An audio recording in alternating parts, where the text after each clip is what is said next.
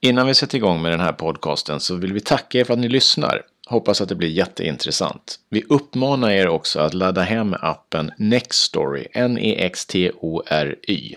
Du kan lyssna och läsa så många böcker du vill för endast 0 kronor. Ja, inte en spänn kostar det 14 dagar. Om du sen vill fortsätta, då kostar det 99 kronor. Finns inget alternativ som är billigare eller bättre. Tiotusentals böcker som du kan lyssna på eller läsa via din läsplatta eller mobil. Nextory.se, där går du in och registrerar dig. Noll kronor kostar det. Nu ska vi lyssna på Ida. Ja, då kör vi igång. Hej och välkommen till podcasten Snabbbanan. Det här är Ola Strömberg och idag är jag jätteglad över att ha en gäst som har simmat eh, ett massa OS, VM och EM och har eh, väldigt många medaljer från SM, simmat i landslag sedan hon var, tror jag, 12-13 år gammal. Eh, och då tror man att det är en väldigt gammal person, men det är det ju inte alls, utan hon blev bara väldigt snabb när hon var ung. Vem är det vi pratar med? Det är Ida Markovaga. Exakt, och du var ju, hur gammal var du egentligen när du lärde dig simma? Jag simmade 200 meter när jag var två år, så att eh, eh jag tror att det är därifrån. typ. Och sen eh, klarade jag väl av att simma alla simsätt när jag var fyra, fem år. Just det, och nu har du en e egen son som eh, är någonstans däremellan när du tog simborgarmärket och när du simmade alla simsätt. Hur duktig är han på att simma? Ja, han tar sig fram nu på djupt vatten och, och sådär. Men eh, ja, han är nog lite efter mig. Men eh, samtidigt så gillar han vatten. Så det är det som är det viktiga. Det finns kanske en framtid där också. Och med tanke på din, eh, din familj och med syskon och far och liknande så känns det väl kanske som att simningen var oundvikligt. Eller varför började du simma en gång i tiden?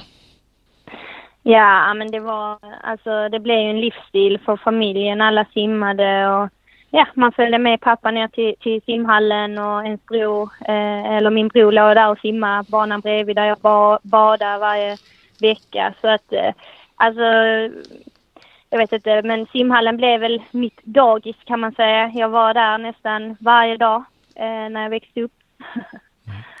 och vad hade du för idoler då? Det var Franziska van Almsik och det var Therese Alshammar som var mina idoler när jag var liten. De senaste åren här när du har, eller när, sen du har kört på en elitnivå, har du någon simmare som du känner att hon eller han, de är fantastiskt duktiga förebilder och något som man kan apa efter lite?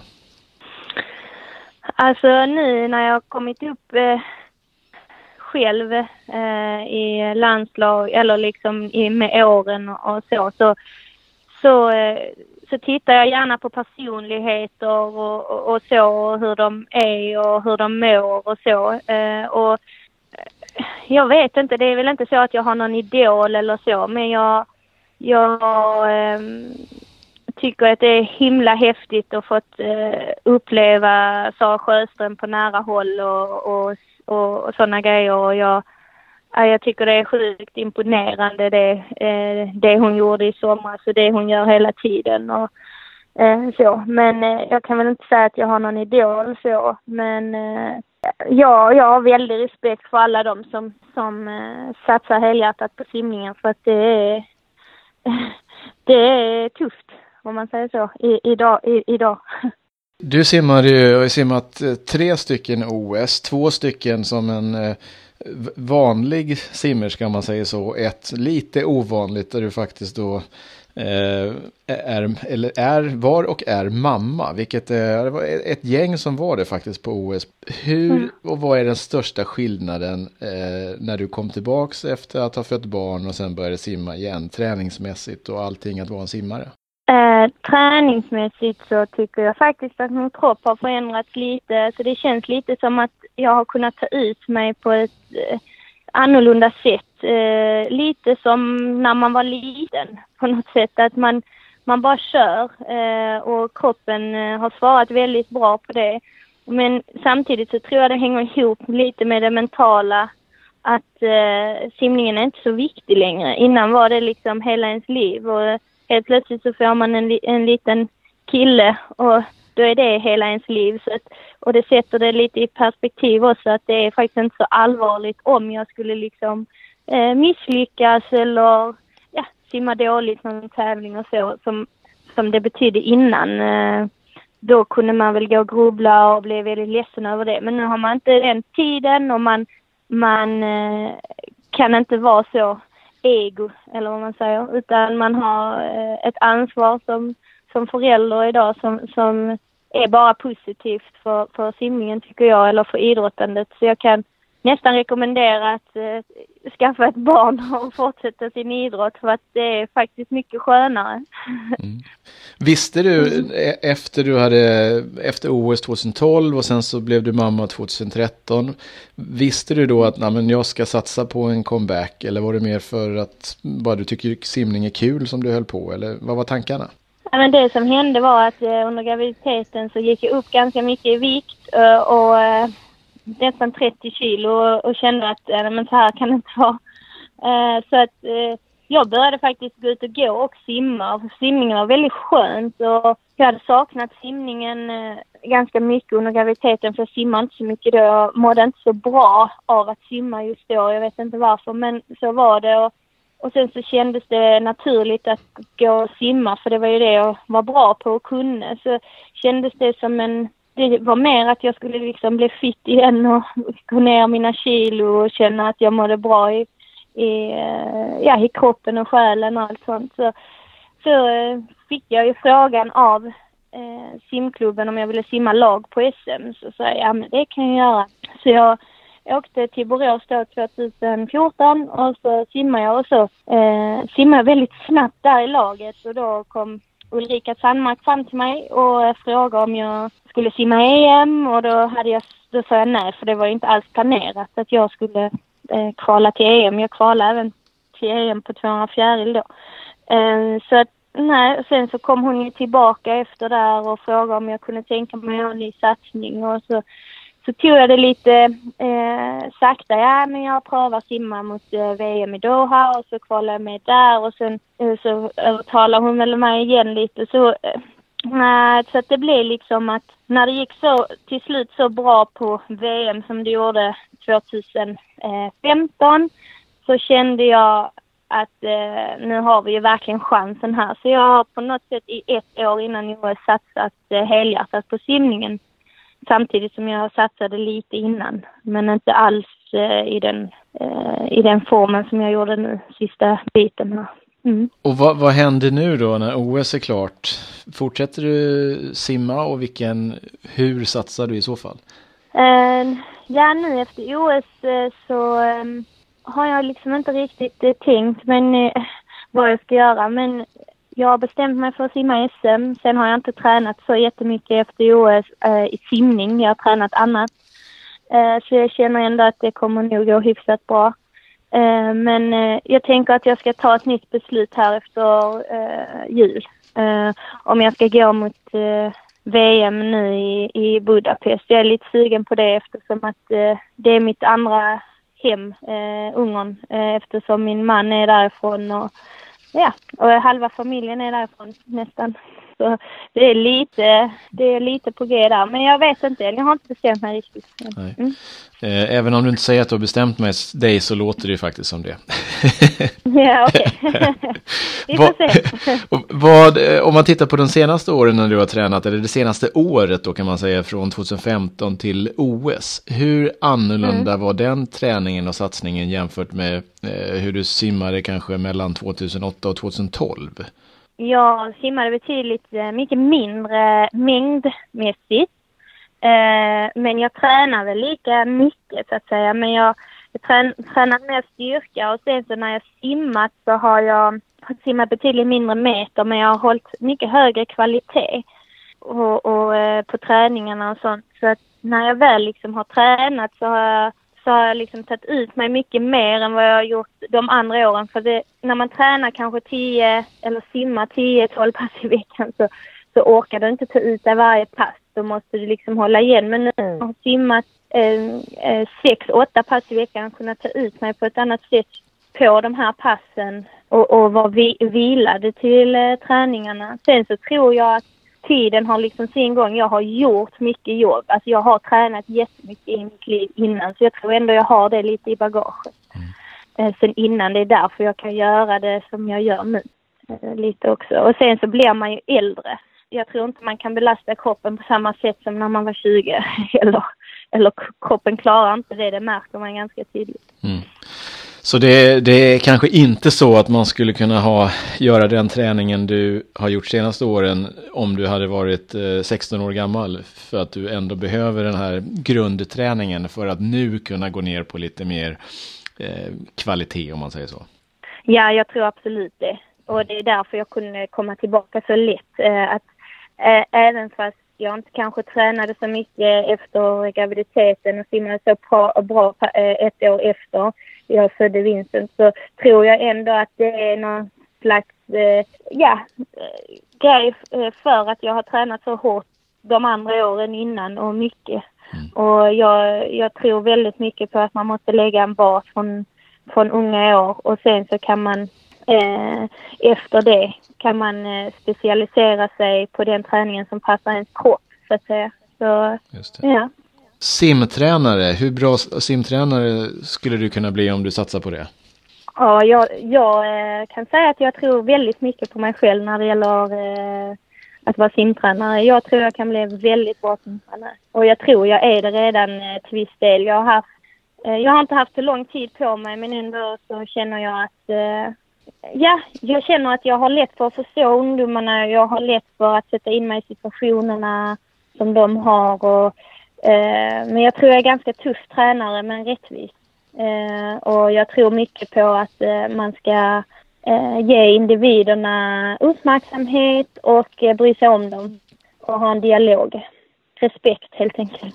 Vad är det som du, om du funderar på det som du har lärt dig mest av, av dina tränare historiskt, vad är det om det är någonting som sticker ut mer än något annat?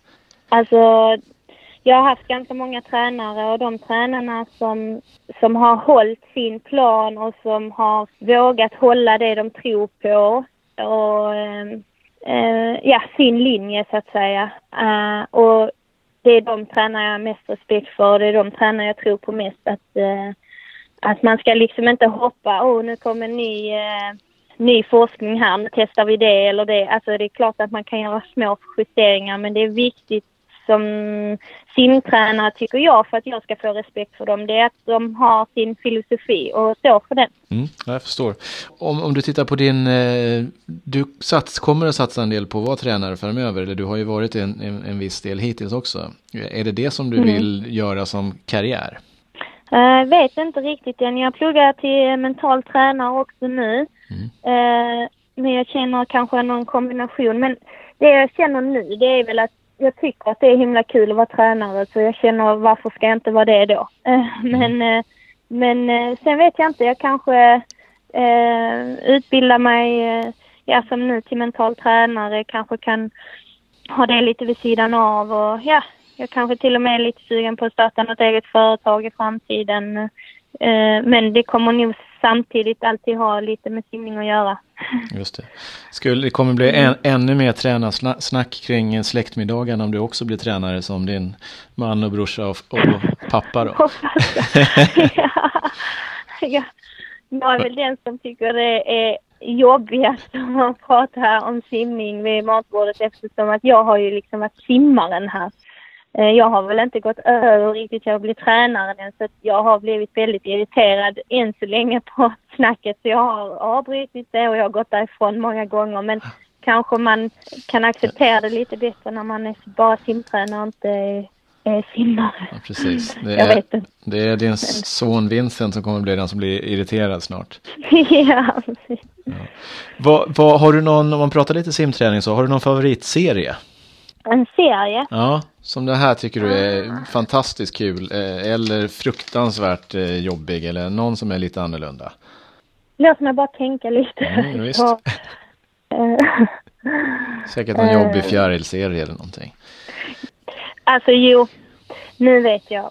Det som är den värsta simserien, alltså jag satt faktiskt och pratade om det för någon dag sedan, att man kan alltid simma väldigt långt Eh, Eh, det klarar vem som helst av. Men alltså att köra typ 30-40 hundringar fart 3, alltså tröskelfart, starta en 30 eller vad man nu startar och liksom ska ligga på sin bästa snittfart. Alltså det är bara mördande mentalt och, och fysiskt och jobbigt. Och ja, det är, nog, det är nog en av de värsta serierna när man pressar sig så, så hårt eh, att man eh, ligger på gränsen.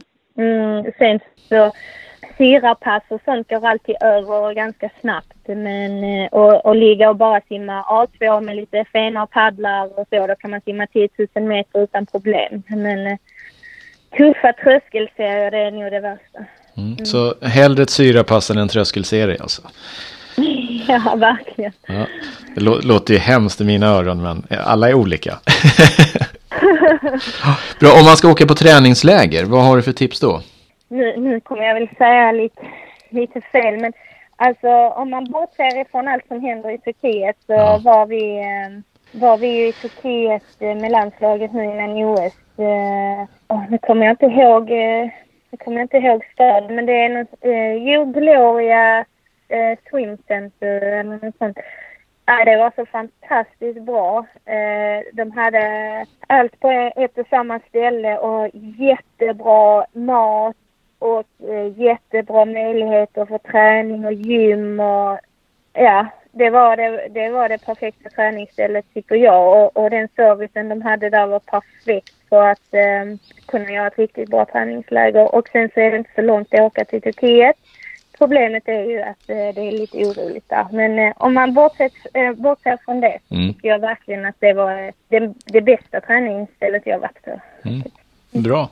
Eh, om man pratar en lite tråkig ämne, doping. Är det någonting som du har stött på eller sett eller hört någonting om? Och hur, vad tror du om det? Dopar sig simmare? Ja, jag tror att eh, simmare dopar sig, absolut. Jag tycker det eh, är jättetråkigt, men jag tror att det är fler än vad vi tror. Eh, jag, jag vet att jag har väl inte stött på det så direkt någon gång. Eh, men jag har suttit och haft väldigt bra konversationer med René Thor om det här liksom mm. på läktaren och eh, eh ja, eh, det jag liksom kom fram till det jag tror att många kanske inte är dopade just på tävlingar och sånt men mm. eh, att de kanske gör det eh, systematiskt hemma och så slutar de några månader innan och mästerskap och sånt. Men alltså det är ju ingenting som ja, jag vet inte, det är ingenting som man kan bevisa eller så, men jag tror att det sker mer än vad vi tror. Mm. och det är väldigt tråkigt. Mm. Väldigt, väldigt tråkigt. Uh, jag tror det också är accepterat i många länder så länge man inte åker fast och det är därför folk gör det också och det ser man ju bara på Ryssland. Det är ju statligt, det är nog till staten som mm. håller på med det. Och det är väldigt, uh, nej usch. Nej, jag tycker inte om det och, men jag har faktiskt aldrig stött på det heller. Jag tror Sverige är väldigt, eh, väldigt, väldigt noga och bra i det i alla fall. En, en lite mer eh, lättsam fråga då. Det finns ju snabbbanor på nästan alla simhallar i hela Sverige. Med varierande mm. hastigheter som simmas där. Eh, en del simmar med en pulsklocka på handen, en Garmin-klocka. Vad, vad känner du inför det? Är det okej okay, eller? jag vet inte. Jag, jag tycker ju själv personligen att man tappar hela känslan om man sätter på sig en klocka när man simmar. Eh, jag tycker i så fall om man ska ha det ska man lägga den på kanten och, och, och, och så, så får man kolla när man vilar. Mm, ja, det är bra svar. Du har kanske läst på tidigare vad man bör svara här. Så det är bra Nej, det, var bara, det är det jag själv gör. För att jag känner liksom att ha på en pulsklocka på handen, det sabbar ju hela armtagen. Ja, och det finns ändå en västerstrand på väggen om man ska kolla tiden. Ja. Och sen har vi, det går ju inte att undgå nu att, att prata lite om simklubben Triton. Vad händer där egentligen? Ja, det är inte så, det är tyvärr inte så kul. Det händer mycket det, det jag kan säga är att styrelsen gör inte många rätt tyvärr. Och, det, och, och tyvärr så speglar det inte bara Triton utan det händer i många simklubbar. Jag tror idag så, så krockar det här med det ideella och elitsatsning lite kanske för mycket. Eh, och ha, det är väldigt lite förståelse för det också. Eh, och man kanske inte vet och så sitter det ideella personer där som inte kanske har riktigt eh, koll. Så att eh, det är väl det. Men tyvärr så har denna eh, styrelsen denna gången inte bara det utan det handlar väldigt mycket om det ekonomiska och så misskött eh, eh, mycket för oss anställda. Och eh, ja, jag vet inte. Man kanske borde se om lite som i Helsingborg att det eh, sitter eh, ordentliga, jag vet inte vad man ska säga, men eh, sådana som verkligen eh, brinner för det och eh, kanske inte har barn i klubben. Eh, det hade väl varit det bästa på något sätt känns det som. Eh, om vi avslutar mm. med tre stycken snabba frågor där du får välja ett av två alternativ. Okej. Okay. Ja, eh, du får välja ja. mellan att simma i en 50 eller en 25 50 Ja. Du får välja mellan styrketräning eller simträning. Simträning. Och du får välja mellan Rio-OS eller London-OS. Rio-OS. Ja, bra. Är det någon fråga som jag har glömt att ställa som du känner att den här vill jag jättegärna svara på? Nej, inte vad jag kommer på nu. Nej. eh, då får, ser vi fram emot VM i Budapest nästa år då. Eller först är det SM i Stockholm om någon vecka här. Mm, ja, och sen är det ju massa kval Ja, sen är det massa kval. Ja, ja, det är de också. Vad, och hur kommer det gå på SM? Vad simmar du där förresten, individuellt? Uh, jag vet inte än, men jag, jag kommer garanterat simma 200 fjäril i alla fall. Ja. Sen får vi se, ställa upp i något lag och uh, sen kommer jag, är jag anmäld på 100 frisim och, och lite sådana andra distanser. Ja. Bra, tack så jättemycket. Ja, tack så jättemycket. Vill du simma i snygga simkläder som också är väldigt snabba? Då ska du simma i Tyr. Tyr är huvudsponsor till Vansbrosimningen och Tyr används av till exempel Michelle Coleman, Simon Sjödin och Erik Persson. Du kan också använda Tyr. Gå in på www.tyrsverige.se. Använd koden Friends of Ola så får du rabatt. Tyrsverige.se för de absolut snyggaste och snabbaste badkläderna och massa andra bra grejer. Tyr Sverige, hoppa in där nu. Hej!